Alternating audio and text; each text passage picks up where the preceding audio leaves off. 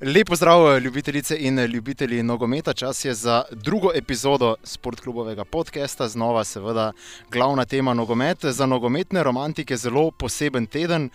Leto sicer ne na Valentinovo, kot je bilo v navadi v preteklih letih, Tina mi tukaj že namenja lepe poglede. Zdravo, Tina, kako Živijo. si razpoložen? Razpoložen, zelo zaljubljeno. Zaljubljeno, Ja. V okroglo usnje.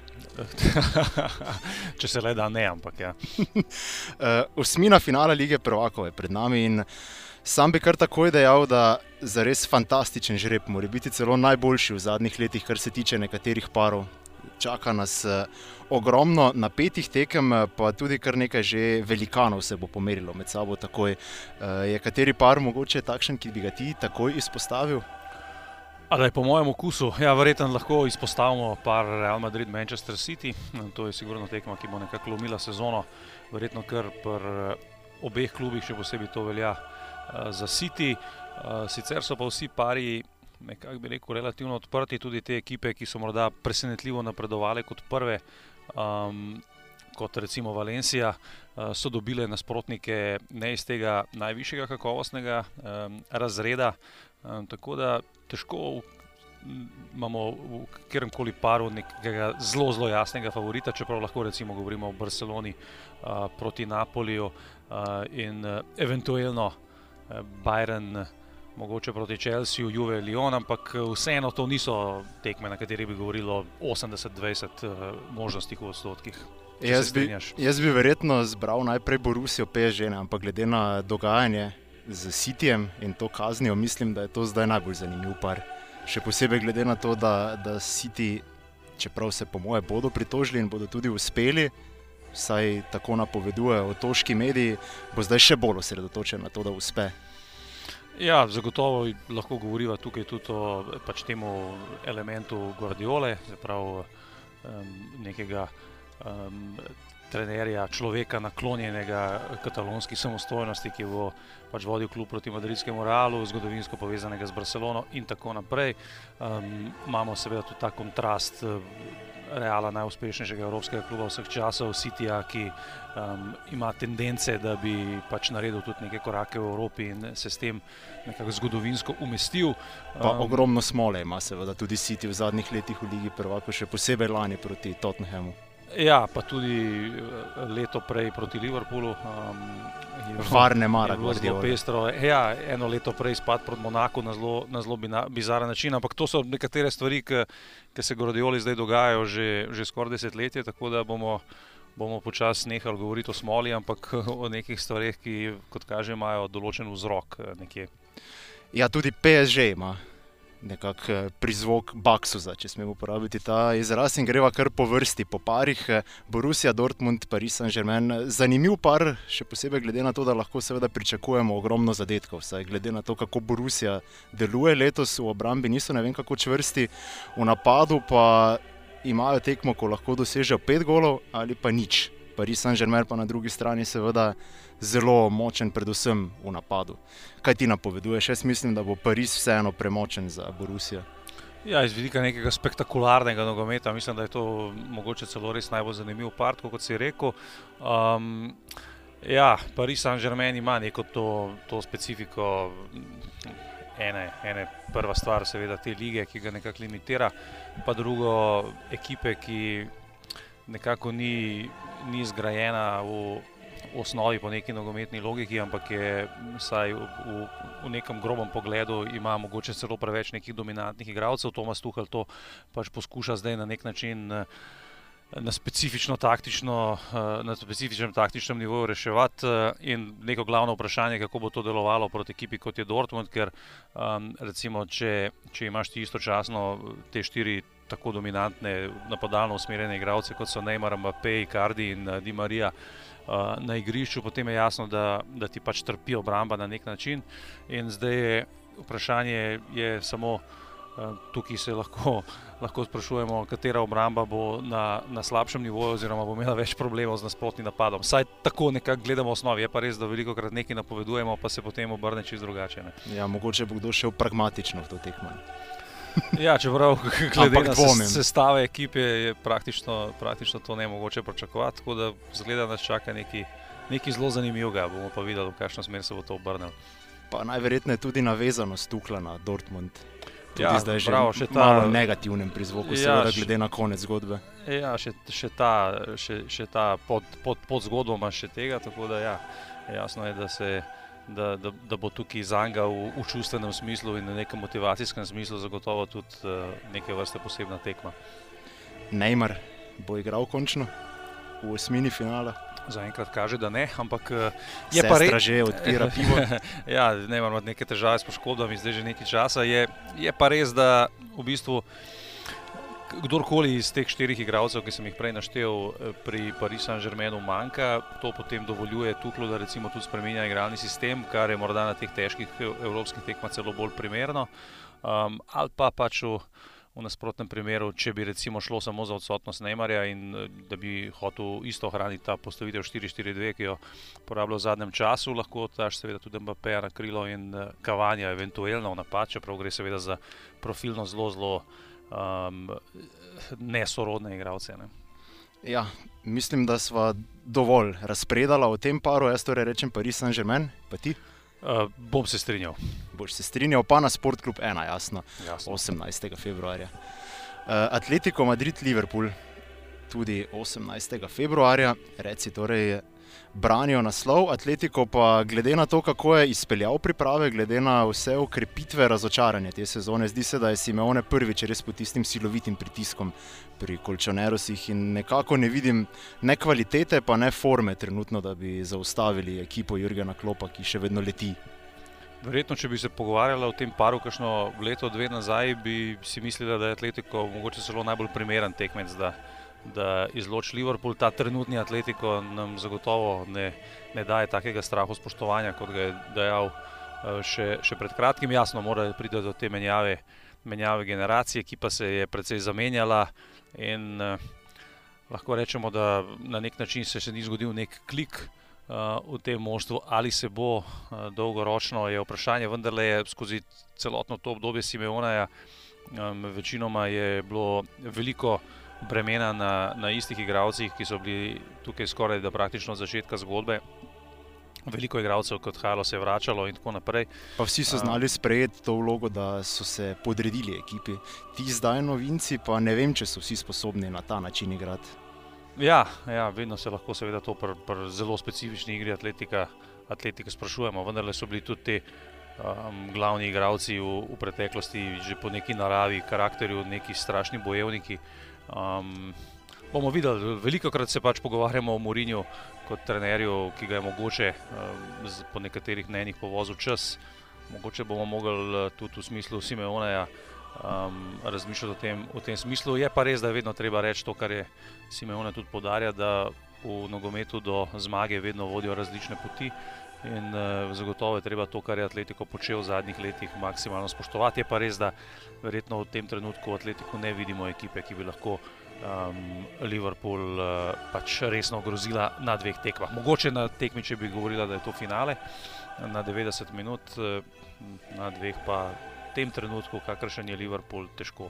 Pa težko si je predstavljati, da Liverpool v gosteh na prvi tekmi ne bi dosegel gola. To pa bi potem tudi že bila velika prednost. Tako in Liverpool ima tudi neko noro serijo zdaj v ligi, da je na zadnjih desetih tekmah kar devetkrat ni dobil gola. Um, Atletico bo definitivno mogel dati gol in ima že sam s tem probleme. Pa še v Morata. srčju obrambe nima takšne hitrosti. Ne. Tudi to se nekako kar samo ponuja na vzven. Ja, nekako vse je, bomo videli, mogoče pa Jan Oblak imel dve čudežni tekmi in eh, se bo tukaj zadeva lomila. Težko, Pa se mi dva težko opravičiva pred četrtfinalom. tako, tako.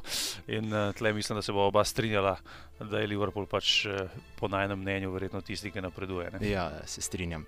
Gremo naprej. Atalanta, Valencija, zdaj smo že na srednjih tekmah. Za slovenske ljubitelje je seveda to posebno zaradi Josipa Iličiča, pa tudi nekako mora biti najbolj odprt par, če pogledamo vse preostale. Valencija, tako kot si rekel, že na začetku prvo mesto, nadgradila tudi s tem žrebom, kajti lahko bi dobila zelo pač bolj neugodne, oziroma bolj neugodnega nasprotnika. Tako pa Atalanta, ki pa je prav tako nekako ekipa navdiha. Ne. V zadnjih eh, tednih, v tem letu 2020, so veliko krat zablesteli, tudi Iličič pa je igral v življenjski formi. In mislim, da to mogoče celo za njega zadnja, pa tudi edina priložnost, da zaigra v četrtfinalu lige Prvako. Zanimivo pri tem paru je tudi to, da verjetno Atalanta bi si težko želela boljšega, boljšega nasprotnika kot, kot druga vršena ekipa v skupini. Z, tudi obe ekipi nekako skozi, eh, če govorijo samo o sezoni lige prvakov, dolg časa ni kazalo, da boste sploh napredovali, še posebej Atalanta, ki je ja, po tistem debaklu v Zagrebu Dinamo, na ja. začetku. Ja. Valencija se je praktično iz, izvlekla na gostovanju pri Ajaxu v zadnjem krogu, česar praktično noben ni pričakoval, tudi z desetkana, kar se poškodb tiče. Če bi gledali samo formo skozi celotno sezono. Valencija ima ogromno nekih problemov, sponov, padcev levo, desno, vmes se je že stabilizirala, pa zdaj spet um, nekako igra po, po, po nekem sistemu toplo-hladno. Atalanta, kar se ligaške forme tiče, je, je bistveno bolj stabilna, najbolj učinkovita ekipa v Italiji, ogromno uh, golov dosega. Je pa res, da je morda ravno to taka ekipa, proti kateri. Nekakšno moštvo kot je Valencija, ki vendarle ima nek, bomo rekli, tradicionalni pragmatizem, Ja, tisti 4-4-2 postavitev. Tako, tako, ki velja že kar nekaj časa in trenerji, ki so si več ali manj nekako podobni po, po, po, svoji, po svoji filozofiji igre. Tako da verjetno za Valencijo Atalanta v tem smislu nekega svojega bolj romantičnega pristopa k nogometu, ekstremno napadalna ekipa, verjetno odgovarja kot, bolj kot nekdo, ki bi, ki bi se recimo podobno kot Valencija tazga para, tazga para lotil. Ne. Da, pa tudi izkušenj nima Atalanta kot sam klub. Valencija vseeno ima veliko več. Um, evropskih evropskih pedigrejev, ja. tako, tako se strinjam. Vseeno za me bom, bom rekel Valencija. Jaz pa bom rekel Atalanta že zaradi Iličiča. Da, da, da se malo. Da nisem se skozi strinjal. Greva naprej, še en zelo zanimiv eh, trenerski par, eh, oziroma trenerski dvoboj nas čaka v sredo in eh, prav tako na sportklubu 1 Tottenham Leipzig, Mourinho, Nagelsmann. Spektakularno bi lahko rekli. Rekl si prej, da je mora biti Simeone tudi že zastarel, tako kot pravimo za Mourinha, in zdaj prihaja tekma z zagovornikom modernega, neke, nekega novega nogometa. Nagelsmann je pravi guru, kar se tiče taktike. Je Leipzig že pripravljen na, na takšne izzive? Ker se mi vseeno zdi, da je Tottenham z Murinjem lahko zelo, zelo neugoden tekmec, ne glede na to, da imajo zares velike težave v obrambi, kar za Murinja ni značilno. Težave, ja, tudi zaradi igranja na različnih frontah. Uh, jaz bi rekel, da Leipzig je definitivno pripravljen na neko, da morda bi celo neko presenečenje sezone. Vidimo v ligi, da, da nekako je vzpostavil neko konstantno, da je v, v boju za naslov prvaka, da je odigral z Bajernom nulo na Allianz Areni prejšnji vikend. Pa je imel tudi nekaj priložnosti. Tako, Werner je mogoče celo zatajil. Ja, Werner nasploh v zadnjem podru. času, mogoče malo šepa, kar se forme tiče. Um, ja, srečanje dveh različnih trenerskih generacij, dveh različnih trenerskih, trenerskih pristopov. Um, vprašanje. vprašanje. Tottenham je sicer na, na nekaterih zadnjih derbi tekmah v Angliji pokazal, da lahko na eni tekmi, recimo tudi, tudi proti Manchester Cityju, uh, odigra tekmo na zmago, se pravi, na, na tekmo, na kateri je manj pomemben vtis, kar so nekako uh, mogoče tekme v preteklosti, ki so imele najbolj Murinjev podpis, uh, bile ravno v Evropi, Inter proti Barceloni pred leti uh, in, in podobne zgodbe. Je pa res, da, da tudi Murinjevih evropskih uspehov, vsaj kar se tiče lige prvakov, vemo, da je osvojil Ligo Evropa uh, z Manchester Unitedom, ampak kar se tiče lige prvakov v zadnjih letih, ga ne vidimo več v, v zaključnih bojih. In, Tole je za nekakšen nov izziv, glede na nalet Leipziga, na to Leipzigovo neustrašnost, eh, napadalnost, eh, bi mogoče dal celo nekaj malega prednosti Nemcem. Jaz pa vseeno mislim, da bo Murinjo nekako šel skozi šivankino uho. Pa da vidimo. Je pa vseeno težava pri Tottenhamu, da nimajo prave špice. To smo že ja, ugotavljali ja. v tistem eh, prejšnjem podkastu za prestopni rok in mislim, da se bo tu zelo poznalo, še posebej glede na vse fronte, kjer igrajo. Sigurno pa verjetno je tudi. Um, Je pa res, da bo mogoče Morino to izkoristil še zato, da bo še dodatno ukrepi. Odigral še bolj obrambno. Mora biti celo ja, priložnost, da na prvi tekmi nič, nič se zna zgoditi, če, če, če Leipzigu ne bi steklo v napadu. Ja, pa nič, nič doma v Evropi, vemo, da ni, da ni slabo izhodišče za domačina. Murinjo izid je tako na prvi tako, tako, tako da verjetno že imamo cilj A. Mi pa so v drugem tednu, hitro gremo. In uh, 25. februar 2020. Se kaj zmotiš in še napišeš 2019 Zelo na kakšnem počasno se, dokumentu? Chelsea Bayern, to je ponovitev finala 2012. Spopad dveh velikanov, rekla sva, da jih je kar nekaj v tej osmini finala. In eh, zanimivo bo videti, Bayern je v sponu v tem eh, drugem delu sezone. Z Leipzigom je odigral neodločeno, tako kot si dejal. Chelsea pa je v majhnem pacu, pa tudi ni bilo okrepitev, ki so se morali biti nekako napovedovali. Zijek bi prišel zdaj še kako prav. Napovedanje, seveda, za junij, ampak Ajax ga ni želel izgubiti že sredi te sezone. Ampak eh, mislim, da je Chelsea vseeno dovolj kvaliteten, če, če bi bila dnevna forma na nivoju, da Bavarcem dela težave. Še posebej poletnost eh, v napadu. Zelo zanimivo, ker si omenil to finale 2012. To bo posebno drugačna tekma, kot je bil tisti finale, ki je Chelsea skoraj da ni prišel čez polovico. Um, zdaj ta Chelsea čez drugo. Či, ja, ampak ja, seveda. Ampak uh, vseeno, gre, gre, za, gre za par, kjer um, se bosta morda tekmeca celo najbolj uh, nekako hrabro lotila drug drugega z nekim, z nekim napadalnim pristopom, glede na to, na kakšen način igrata, igrata stalno. Chelsea je neka posebno nova, drugačna ekipa, kot je bil, kot je bil v preteklosti. Um, kar se tiče tega pomankanja ukrepitev, jaz moram reči, da me pri Čelsu to niti ne moti. Da, da je sicer bilo jasno izražena potreba po tem, da bi, da bi krepili vse, ampak kot kaže, vendarle niso najdel tiste optimalne kombinacije. Se to jaz rečem, da je prava pot drugače. Ja, Če nimaš ja. tistega pravega igralca na voljo, zakaj bi pripeljal nekoga, da odžira minute nadarjenim igralcem? Tako, ja. Mora biti težava samo nekonstantnost pri, pri teh mladih. Ja, mislim, vse vidiš, ne. Chelsea ima take najbolj klasične simptome. Preveč golov dobiva in jih premalo daje. Um, in to nekako nam Ampak daje. je to težava mladosti ali Ja, Lamparda, ker Lampard je imel tudi pri Darbiju te težave. Ja, mislim, verjetno pom, bomo Kombinacija rekli, oboje. mladosti in ekipe in trenerja. Ne, um, sigurno. Uh, tudi uh, pač napad je zelo odvisen od, od Temija Ibrahima, ki praktično ne bomo rekli, igra prvo sezono v Premier League, ker jo ne, ampak dejansko v tako velikem klubu tako odgovornost na tako mladega igralca, uh, da so vsi praktično goli odvisni od njega, je, je hudo breme. Um, veliko rotacij v obrambi. Um, ali s postavitvijo s tremi zadaj, štirimi zadaj, ali pa celo različni štoparski pari med seboj. To seveda odžira neko določeno, določeno konstantnost pri Čelsiju. Um, ampak eh, vseeno, um, prva tekma doma, lahko, lahko Chelsea relativno sproščeno, eh, sproščeno igra, vendarle je nekako bila ta sezona smatrana kot neka prehodna in uh, praktično glede na to, da je mislim, da vendarle Chelsea v tem trenutku glavna preokupacija liga, se pravi zadržati mesto med prvimi štirimi, je tukaj vse, kar se nekako zgodi, bonus. Mislim, da vendarle je splošna percepcija v evropskem nogometu, da je Bayern tle precejšen favorit. Ne.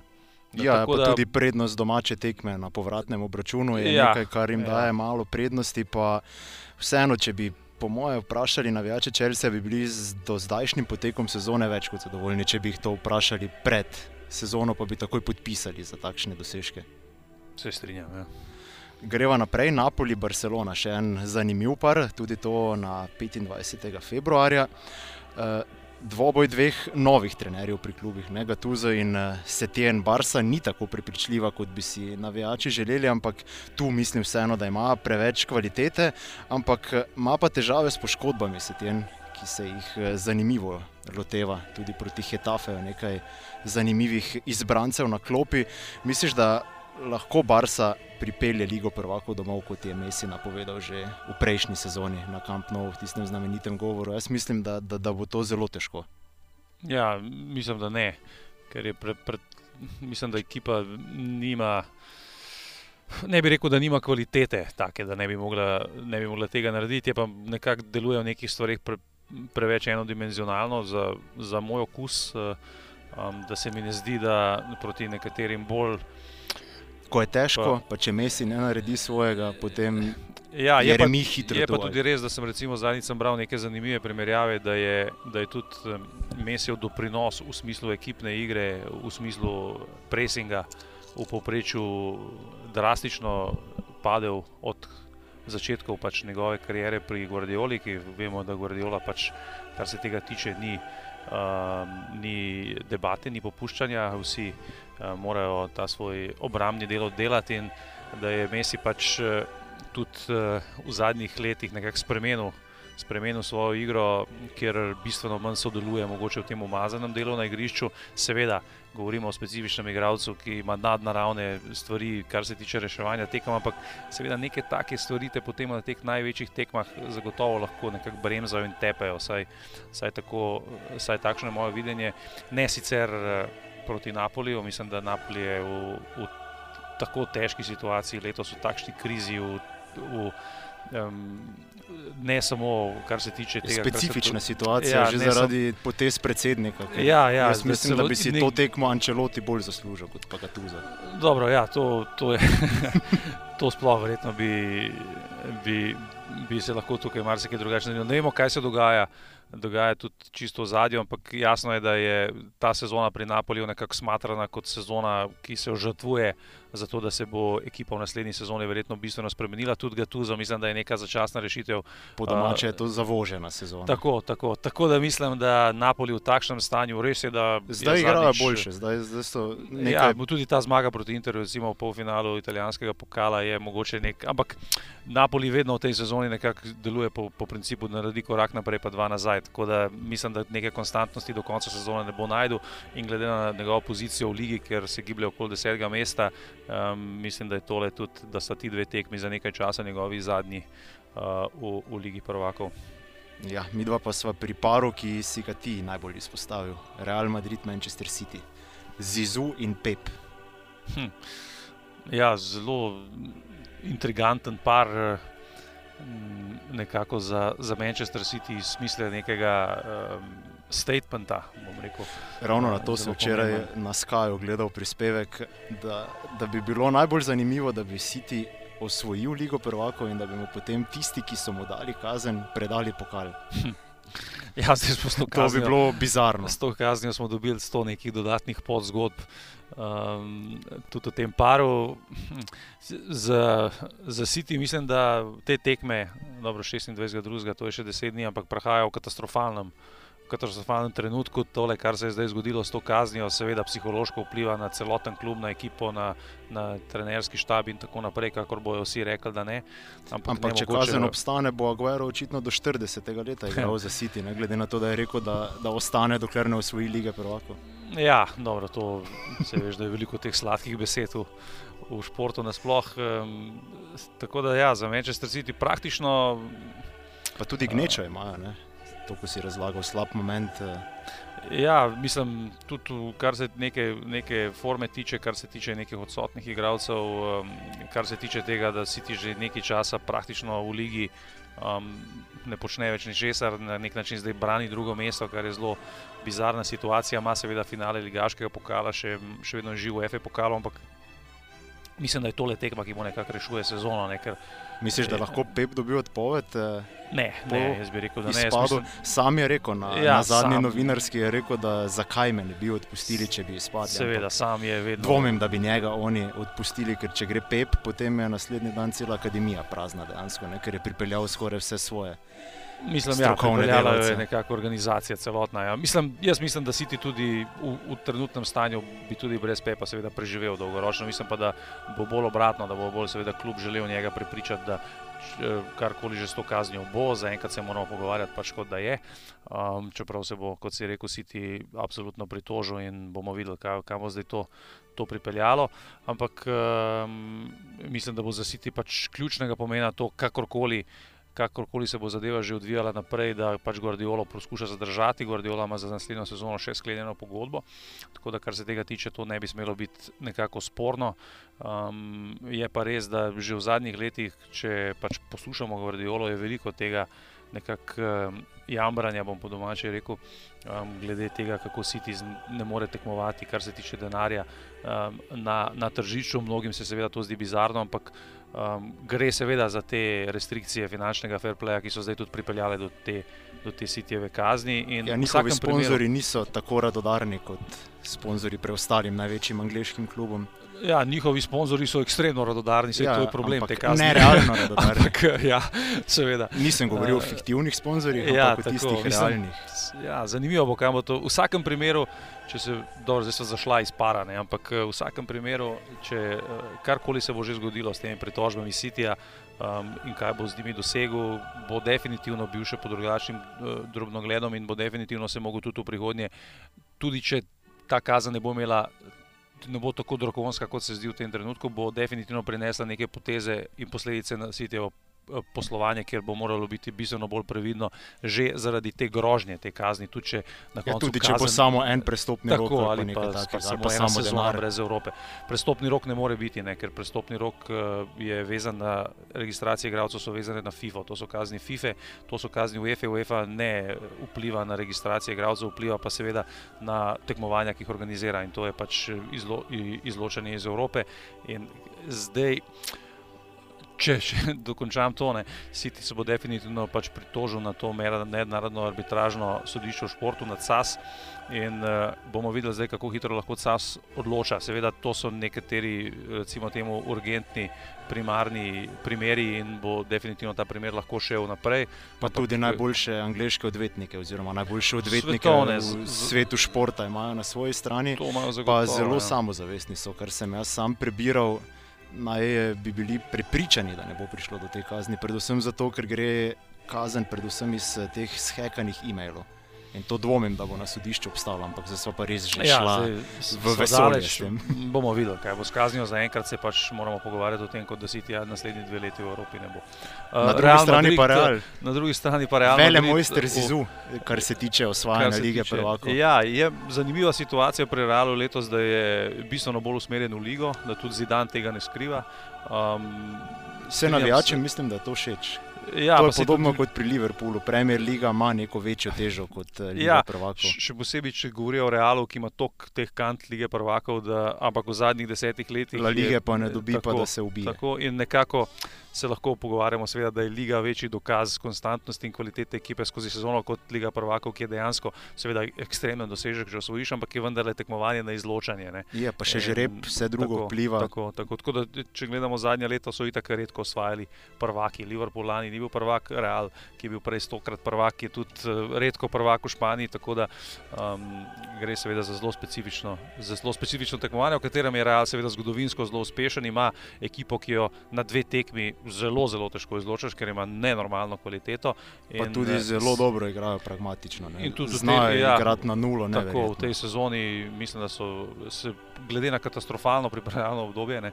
in začetek sezone je to zdaj čist drug real. Iz, iz tega vidika za real ta tekma prihaja v idealnem trenutku, za City pa v katastrofalnem. Da tle Ampak jaz bi rekel, da bo šel siti naprej. Jaz pa da ne.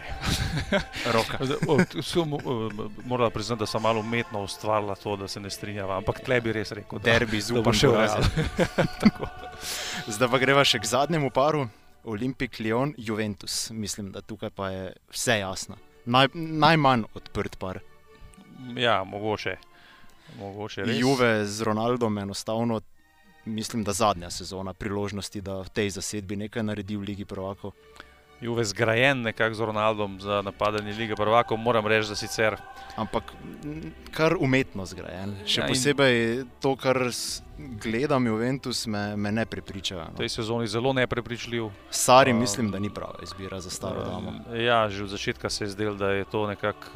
Um, bila zadeva izpeljana na silo. Vemo, kaj Juve pač hoče s to potezo narediti. Allegri um, ima pač neko svojo specifiko, ni trener, ki bi ponudil neko spektakularno igro, kar na, na, na ta nivo so hoteli pri Juventusu stopiti. Vemo, da so se dogajale marsikakšne medijske kombinacije s Pepom Guardiolo, a je bilo res, kaj v ja, zadnjem času. Zdaj še z Guardiolo in Messijem. In...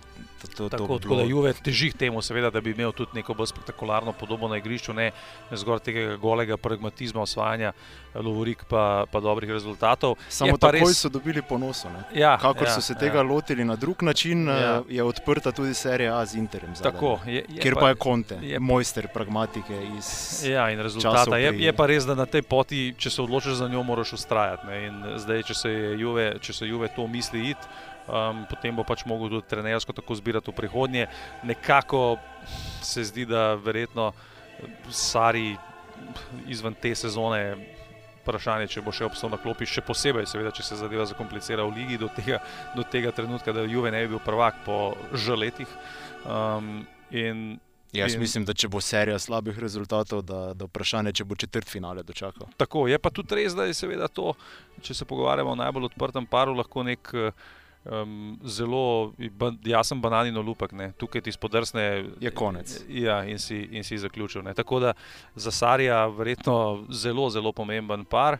Lyon absolutno neobremenjen, lahko rečemo sicer po Ampak neki, tudi oslabljen. neki kvaliteti, da težko, da bi lahko pariral, ampak vemo, da imamo seveda, da, da se pač vse tekme ne bojo išle po tem sistemu, da bo pričakovan favorit napredoval. Res, da seveda v vseh parih absolutnega favorita ni, ampak eh, nekje se vedno zgodi neko presenečenje, neka ekipa, ki prodre nekam, kjer je nismo pričakovali. In, um, zagotovo, zagotovo se bo od enem teh, en od teh parov zazibal v to smer, ki jo je ne mogoče predvideti v tem trenutku. Ne. Ja, mogoče res celo tudi ta par, no, ampak ne vem vseeno. Mislim, da imajo Ventus preveč kvalitete, pa tudi eh, širina kadra je. Ja, je, je pa res, da Ampak tudi odvisno, kako bo Sari postavil, samo taktiko. Če bo Dybala prvi postavi, če bo Iguain prvi postavi, to, to zelo spremeni igro Ventusa. Zadnjič sem slišal neko zanimivo mm, opis trenutnega Juventusa, da to ni več Allegreva ekipa, ampak tudi ni še Sarjeva ekipa. Ne? Tako da Juve je izgubljen v nekem čudnem medprostoru. Tudi, um, Ja, izgubljen med pragmatiko in igrivostjo, pa sami ne vejo. Včasih, eh, tako, ko sem ja. jih delal letos, grejo v napad, pa se kar zaustavijo, ko imajo prostor. Po pa včasih grejo v napad, ko ne bi smeli iti, pa na silo neke hitre žoge. Ronaldo pa se mi tudi zdi kar izzet iz igre. Visoke žoge grejo na njega. Sam pa tudi ne pomaga več toliko v igri, kot je mor- morda včasih. Pa ne veš, ali je Vinger ali je špica, zelo Pa tako. še posebej za Sarija, ki je zelo značilen trener sistema, ne? kjer je vse zelo, zelo jasno določeno, da imaš ti nekega igralca kot je Ronaldo, ki pač ga moraš umestiti eh, po tem, kako njemu paše v svoj sistem. Sarij je pa obratno, ne? Sarij je en trener, kjer se mora zgradi igralce Igralci se morajo prilagoditi, zgradi, ja. prilagoditi sistemu. Ne? In, in tukaj je tudi, mislim, da med, med njima pač eh, neko bistveno razhajanje v smislu tega, eh, kaj, kaj, kaj nogomet je in kakšna je vloga nekega individualnega igralca znotraj, znotraj sistema. Tako da se na nobenem, nobenem nekem primeru ne zdi, da je pač ta, ta zakon Juve Sari nekako nekak eh, prava ideja, pa tudi. Um, kakor, sem, kakor sem sledil, bral, eh, poslušal, je, je bil itak razkol glede tega, ali uh, Sarija ne v, v vrhu kluba ali Allegrija ne v, v vrhu kluba. Um, pojavile so se pred kratkim celo neke Zdaj spet, novice, da se Allegri vrača. vrnil in tako naprej. Tako da Mogoče mu na tečajih angleščine ne gre najbolje. ne mogoče je dubut svek. Torej, še zadnji par, jaz rečem Juventus. Vseeno. ja, tukaj se bo strinjala. Torej, vse smo predelali, Tina. Hvala znova za pametne besede. Hvala za pametne besede tudi tebi. In uh, vsem vam naslišanje do prihodnjič. Lep pozdrav. Nasvidenje.